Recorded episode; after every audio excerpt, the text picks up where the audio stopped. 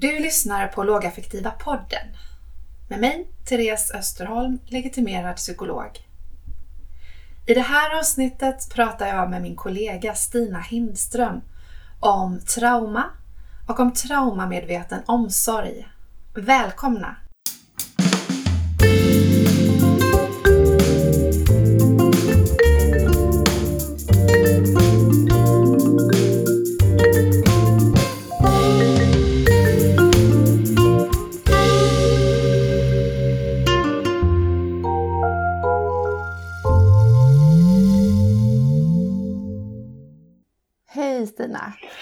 Hej Therese!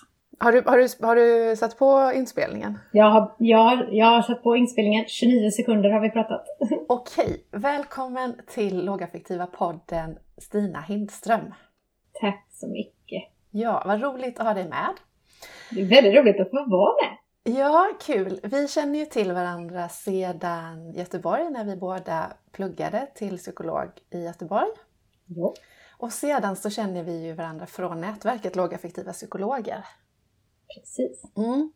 Och eh, en av anledningarna till att jag jättegärna vill prata mer med dig, det finns ju många, men en av anledningarna är ju att eh, du kan eh, mycket om trauma, vilket jag är jättenyfiken på att lära mig mer om. Åh, vad roligt. Och jag, jag är intresserad av trauma. Ja. Ja. Mm. Mm. Men, eh, varsågod, berätta om, om dig själv och, och lite sådär, vad du jobbar med. Och... ja, tack. Nej, men jag, jag jobbar i Göteborg Mm. där jag sen, sen en vecka, Therese, har Ja, mottagning tillsammans med en arbetskamrat. okej. Och där träffar jag em, personer för, eh, för psykologisk behandling, och stödsamtal och ibland rådgivning. Då Mm. träffar jag vanligtvis eh, unga vuxna eller vuxna men även ibland så träffar jag barn när det är personer som inte hör hemma i barn och ungdomspsykiatrin eller i ungas psykiska hälsa som det heter i Göteborg, första linjens vård. Mm. Mm. Okej, så då är, det, och då är det fokus på, eh, alltså då är det terapeutisk, det är behandling som Ja, du jobbar med där? Ja, och det är ofta när man eh, har, eh, söker mig så är det för att det finns någon problematik inom om en ångestproblematik eller, eller och att man varit med om svåra saker. Ja. Och ganska ofta att man har en funktionsvariation eller funktionsnedsättning med ja. att man inte är neurotypiker. ja. Och det är eh, den behandlande delen av det du eh, pysslar med om dagarna. Eh, Mm. mer, den mer organisatoriska delen av dig, vad gör du då? Ja, då jag handleder personalgrupper Mm. eh, inom socialtjänst och psykiatri och eh, inom institutioner. Sen föreläser jag om, om lågaffektivt bemötande och om eh, traumamedveten omsorg. I viss utsträckning föreläser jag om svåra samtal också, men huvudsakligen om eh, lågaffektivt och traumamedveten omsorg, TMO. Mm. Men då tar vi och beger oss in på trauma traumaområdet tänker jag. Ja, Och eh, först och främst så måste vi nog definiera vad som menas med ett trauma. För eh, liksom begreppet ångest så tänker jag att det är Ja. ord som vi bara slänger oss med. Jag har lite ångest Ja. och nu har jag varit med om Ja. något traumatiskt för att kaffet Ja. var slut. ja. Ja. Så Ja. berätta för mig, om du definierar begreppet trauma, vad är det? Ja. Finns det olika slags trauma? Och så vidare. Just det. Men jag gör så att jag använder den trauman som används i traumamedveten omsorg, den definitionen av trauma. Mm. För inom, som inom, inom det psykologiska fältet finns det givetvis alltid mer än en definition. Mm. Men, men jag använder den som Rädda Barnens material TMO eh, Mm. gör, som kommer från Bruce Perry som arbetar med, med trauma. Och då är definitionen att trauma är en psykiskt påfrestande händelse som ligger utanför en människas erfarenhetsområde och som ofta innebär en intensiv rädsla, skräck eller hjälplöshet.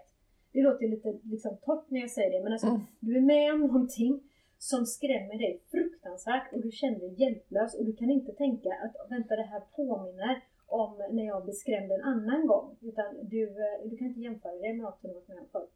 Mm. Det blir obegripligt. Mm. det, blir, det blir obegripligt och du är jätterädd och känner dig hjälplös. Mm. Och då eh, när, man, när man pratar om eh, inom, när man diagnostiserar eh, om en person är traumatiserad så pratar man om trauma typ 1. och trauma typ 2. Så trauma typ 1 det är när du varit med om en enstaka händelse där du har blivit så här rädd och känt dig hjälplös. Mm. Och trauma typ 2, då har du varit med om det många gånger och över tid. Mm. Ja, och ofta så i trauma typ 2 så är det ofta att en annan människa har utsatt dig för någonting. Mm. Exempelvis som, som vid mobbing eller vid sexuella övergrepp, vid misshandel, vid omsorgssvikt, Mm. ehm, ja, krig. Mm. Och risken är ju då större för att det ska bli ett bestående problem för dig när du varit med om trauma typ 2. Ja. För vi, vi människor är ju med, så gott som alla kommer någon gång under livet vara med om ett, om ett trauma. Mm. Eh, Vi är liksom eh, rustade att klara eh, det, vi människor. Mm. Så att det som är speciellt med just trauma och traumatisering, för man pratar om, jag försöker göra lite skillnad med det när man jobbar med psykologisk behandling, för att du kan vara med med trauma, men Mm. det är inte per automatik att du blir traumatiserad. Nej. För precis efter att du har blivit sådär skrämd och känt dig hjälplös så är det helt naturligt att man blir liksom att man har mardrömmar, att man Mm. får återupplevande, att man går runt och känner sig överspänd. Alltså att man är rädd för att det ska hända igen. Mm. Det är ju det- naturligt, ja precis. Ja, jag tänker att det kan du säkert, ja, jag Ja. tror att de flesta känner igen sig i det. Och att, att man kanske eh, till exempel om man varit med om ett inbrott medan man varit hemma ensam så kanske man den närmsta tiden efter det faktiskt inte, inte vill vara hemma ensam. Mm. Och det här är en naturlig del i att bearbeta det man har varit med om Mm. och, och lära sig av vad man kan göra för att vara mer säker. Mm. Att bli traumatiserad är att de här symptomen som jag pratar om, att de inte går över. Mm. Att de blir fast. Man blir fast i dem och man undviker, och då undviker man kanske inte bara att, som det här exemplet som jag sa, vara ensam hemma, utan man undviker alla situationer som påminner om den rädslan man fick Ja. när man blir skrämd. Så det kan ju generaliseras till att inte, att inte våga sova över hos kompisar, att inte våga följa med på läger, till att kanske inte våga göra saker alls Mm. efter skolan med någon annan. Mm. Eh, och då kan man prata om traumatisering. Mm. Och då är det ofta så att när du är traumatiserad så har du en känsla av att, att det är något fel. Du är knäpp, det är något fel på dig Ja. och att du är avskuren från andra människor och att andra människor skulle ändå aldrig förstå hur du har det eller gå, gå och lita på. Och går man då själv med detta så utvecklar man liksom copingstrategier utifrån den här idén om att man är, att det är något fel på en själv, att Ja. man är liksom kass och att, ja, inte ber om hjälp när man behöver det eller kanske blir väldigt förbannad när någon eh, Mm. Ja. Och det leder in på den frågan som jag eh, fångade upp när du använde ordet eh, eh, både begriplighet och att man inte heller har kanske något stöd för att bearbeta det man, man var med om. så. Mm. Eh, f- finns det vissa grupper som är mer i riskzonen för att Ja, drabbas av ett Det- trauma? ja, det gör det. Först, att bli traumatiserad. Risken att bli traumatiserad ökar av ålder Mhm. och vad du har för personlighet. Det Mhm. har ju också att göra med det jag var inne på, hur mycket du har varit utsatt. Ja. Det är skillnad på att se en trafikolycka på håll Mm. och att växa upp i en Mm. krigssituation såklart. Alltså det, men sen är det också så att man har sett nu, forskning både svensk och internationell, att det är en riskfaktor att ha en funktionsnedsättning, funktionsvariation, alltså ha en kognitiv stil inom autismspektrum, intellektuell funktionsnedsättning, ADHD. Mm. Eh, På gruppnivå Mm. alltså, så, så ökar det risken. Mm. Och vad tänker du att det här eh, att det kretsar kring? Att det är en ökad risk där? Ja, alltså. Nu blandar jag ju in min kliniska erfarenhet också. Och en del är att, att, att vara annorlunda ökar risken för social utfrysning och bli mobbad till Mm. exempel. Och mobb, mobbing är definitivt en potentiellt traumatiserande händelse. Mm. Det är också så att om man uppfattar världen eh, annorlunda än, än vi neurotypiker så kan ju saker bli väldigt skrämmande som kanske inte är det för, för majoriteten. Mm. Därför att man inte riktigt förstår vad det är som händer. Mm. Sen kan det väl vara att det ställer högre krav på omgivningen att sätta sig in i personens Mm. fungerande. Om den är annorlunda så kan det göra att omgivningen blir lite sämre på, Mm. på bemötandet och därför um, oftare kanske tappar det Mm. och beter sig på ett sätt som är skrämmande. Mm. Ja. Om, om vi säger att jag har varit med om något som eh, jag, jag har varit med om något otäckt som jag eh, har fastnat i och inte kommer ur på egen Ja. hand, precis så som du berättar om. Mm. Eh, vad, vad, vad tar jag vägen då? Ja, alltså det absolut viktigaste är att försöka söka socialt stöd Mm. hos viktiga personer runt omkring dig. Mm. Att försöka våga prata om det. För det, det har man ju sett att personer som är med om svåra saker och inte blir traumatiserade, Ja. den, den, den absolut viktigaste faktorn är det sociala stödet. Mhm. Och det, det handlar liksom inte om att någon runt omkring löser någonting för dig. Mm. eh, ta bort eh, din rädsla men att människor runt omkring vågar lyssna Mm. och vågar säga till dig många gånger att det var faktiskt inte Mm. ditt fel. Mm. Och just nu så är du trygg. Mm. Mm. Just det, så att, eh, att, att våga berätta men också detta med att det finns någon som faktiskt lyssnar på mig. Det är någonting som skulle Mm. hjälpa mig om jag har varit med om någonting. Ja, ja. Eh, Och, det, det, och då är det viktigt för då kan en del människor så här, även, även inom vård och inom socialtjänst och, och så, så kan man ju bli lite eh, man kan bli lite, lite rädd men oj, men tänk om jag, tänk om jag gör det värre genom att ja. Ja. Och då vill jag bara skicka med att man kan såklart göra det värre genom att fråga väldigt mycket detaljerade frågor Ja, om exakt händelsen men man kan aldrig göra det värre genom att visa att man vågar lyssna. nej.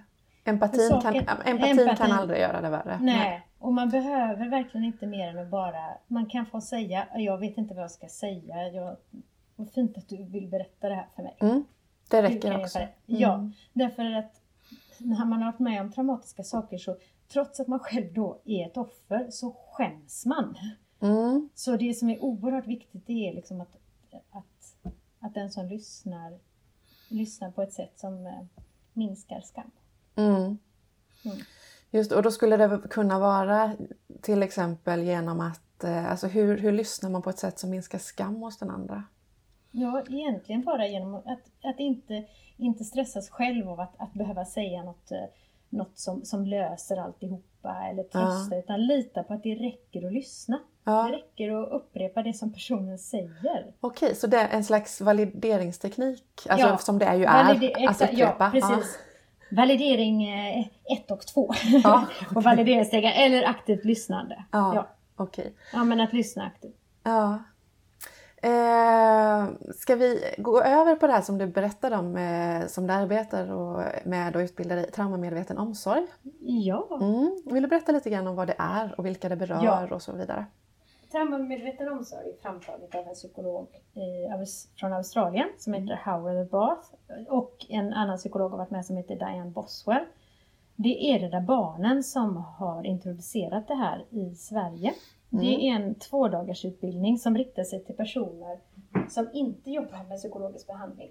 Mm. Utan personer som vistas i vardagen eh, för barn och unga. Så Mm. det riktar sig till eh, ja, men familjehemsföräldrar, eh, föräldrar till skolpersonal, fritidspersonal, i viss utsträckning social, mm, perso- personal inom socialtjänsten såklart. Mm.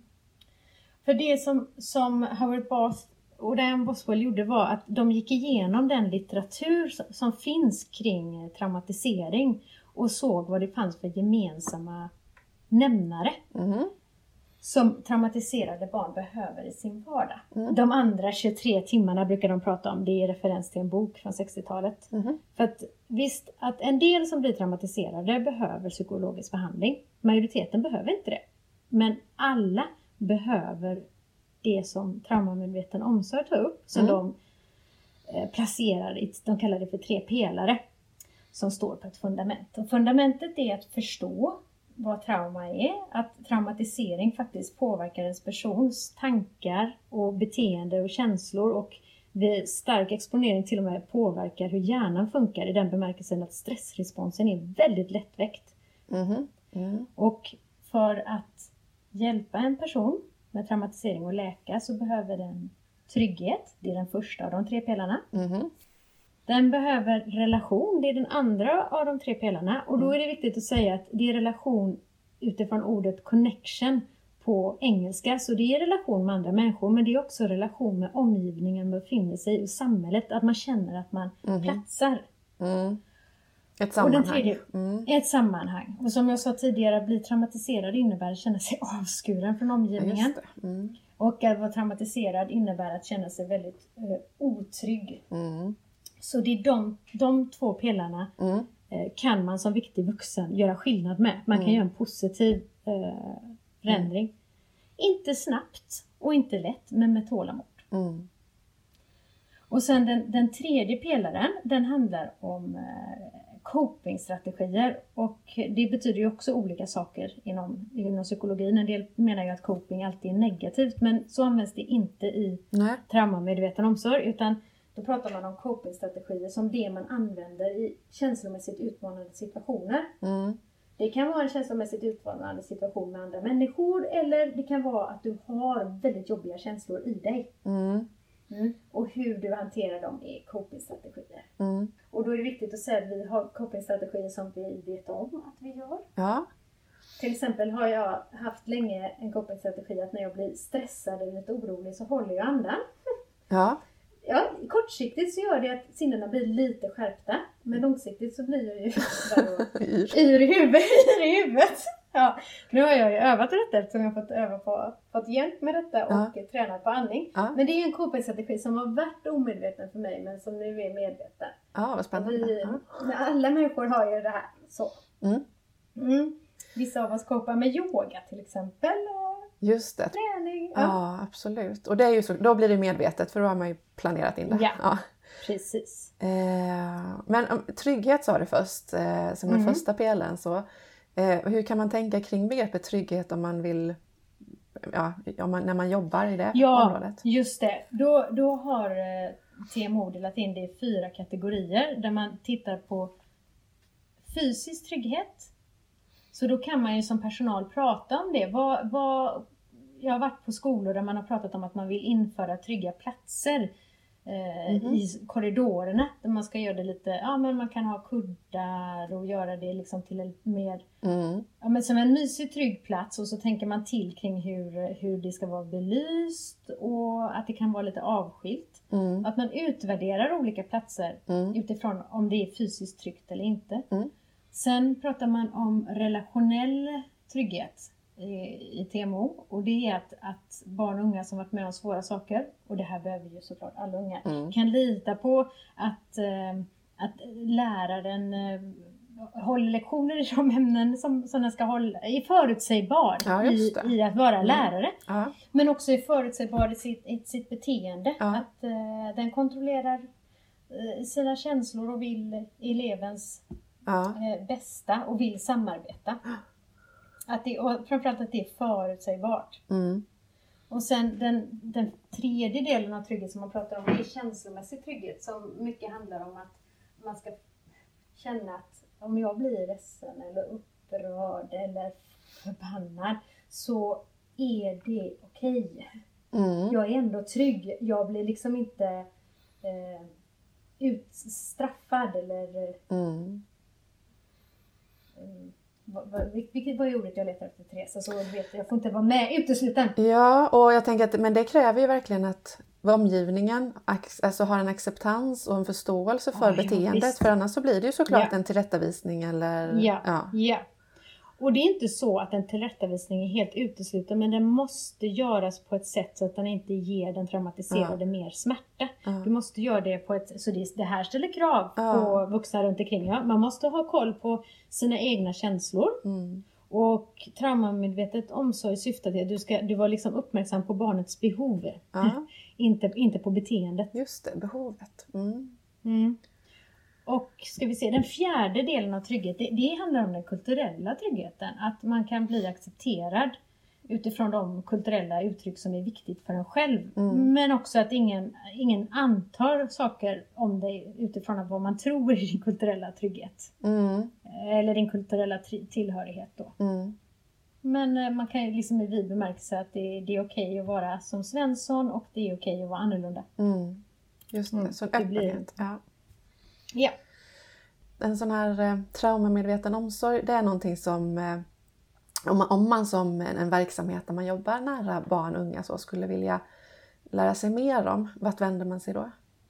då vänder man sig först och främst till Rädda Barnen Ja. och Rädda Barnens enhet eh, TMO. Mm. Man ska också gå in på Rädda Barnens hemsida för de har en jättefin artikel om vad traumamedveten omsorg är. Mm. Och tänker man så här att det här vill vi, det här vill vi satsa på så, så ska man kontakta. Mm. Och då, kan man, då finns det två dagars utbildningar men Rädda Barnen har också kompetensutvecklingsprogram som om man tänker att vi vill göra mer än bara gå en utbildning Mm. som jag ofta glömmer mycket av. Vi vill faktiskt implementera detta så har Rädda Barnen Mm. eh, ett kompetensutvecklingsprogram. Mm. Så det vill jag verkligen rekommendera. Ja. Eh, om jag får backa tillbaka lite grann till när vi pratade om NPF, eh, autism, Ja. ADHD, IF och Mhm, eh, mm. Kombinationen med trauma där. När du berättar om det här så tänker jag att eh, man behöver ha flera verktyg i sin låda Ja. och att, eh, att ha trauma, kunskap om trauma är en, det här är ett eget verktyg i sig som behöver finnas vid sidan om att jag är bra på att förstå och bemöta personer med ett annorlunda sätt att fungera. Att det Ja, här, man tar ja. inte ut varandra. Att, Nej, nej. de tar inte ut varandra och det är jätteviktigt att inte bli enögd så man tänker Ja. att ja men nu arbetar vi bara med TMO och så tappar vi bort vår eh, NPF, Ja, ja, neuropsykiatriska kompetens. ja, precis. Eh, för det är det som har skett på, vet jag, i, Aus- i Australien så har det uppstått på en del skolor som har haft jättebra eh, kompetens kring att möta Ja, funktionsnedsättningar och så har man blivit lite väl fokuserad på, på traumamedveten omsorg och tappat bort det här med lite mer. ja, Det, ja. Och det är ju samma sak om man arbetar med behandling för Mm. att en person kan behöva ADHD-medicinering och traumabehandling. Mm. För ADHD-medicineringen kommer inte Mm. ta bort traumatiseringen mm, och traumabehandlingen kommer inte ta bort ADHD-symptomen. mm. Sant. Nu blir du chockad va? Ja, eller hur? jag ville du skulle säga detta. Tack. Eh, ja, om du, om du skulle önska dig någonting sen nu framöver av, eh, jag tänker samhällsinstanser som skola, vård och omsorg. Utifrån Mm. det vi har pratat om, vad tänker du, eh, eller vad önskar du att man skulle bli lite bättre?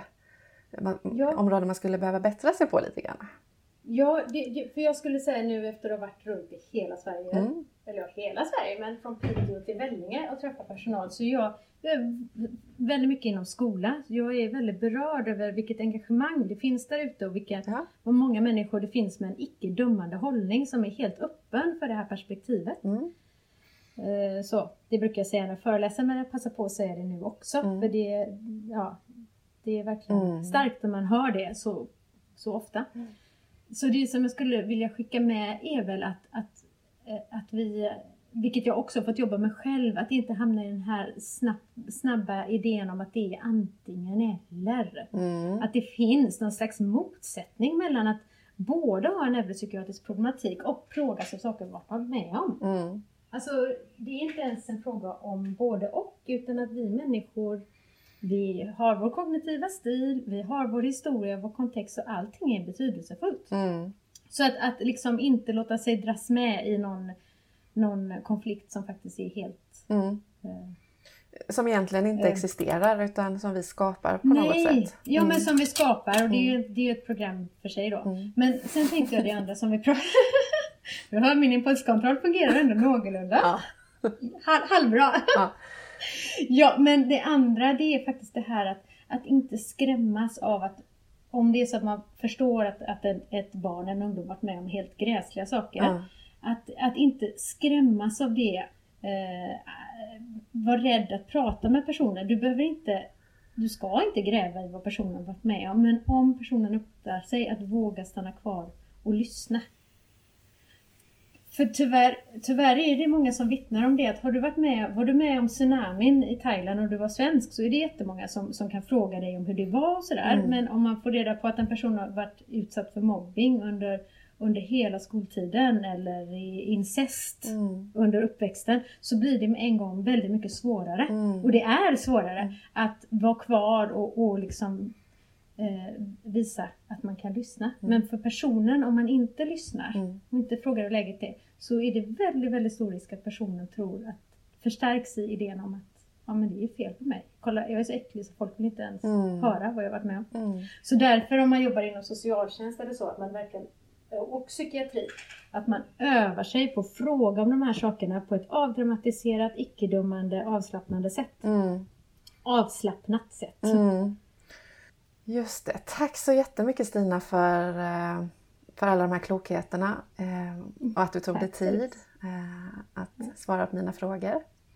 Jag älskar att prata det här. Ja, vad roligt. Mm. Om, man, vill, om man vill komma i kontakt med dig, var hittar man dig då? Ja. Jo, alltså dels har jag en hemsida, psykolog S Hindström. Ja. Och sen har jag en Facebook-sida som heter detsamma. Och på min hemsida så finns min mailadress och mitt telefonnummer. Ja. Jag finns på LinkedIn också om någon tycker att det är den vägen man vill gå. Yes. Det är gött. Ha det fint! Detsamma, hej då! Trevlig helg!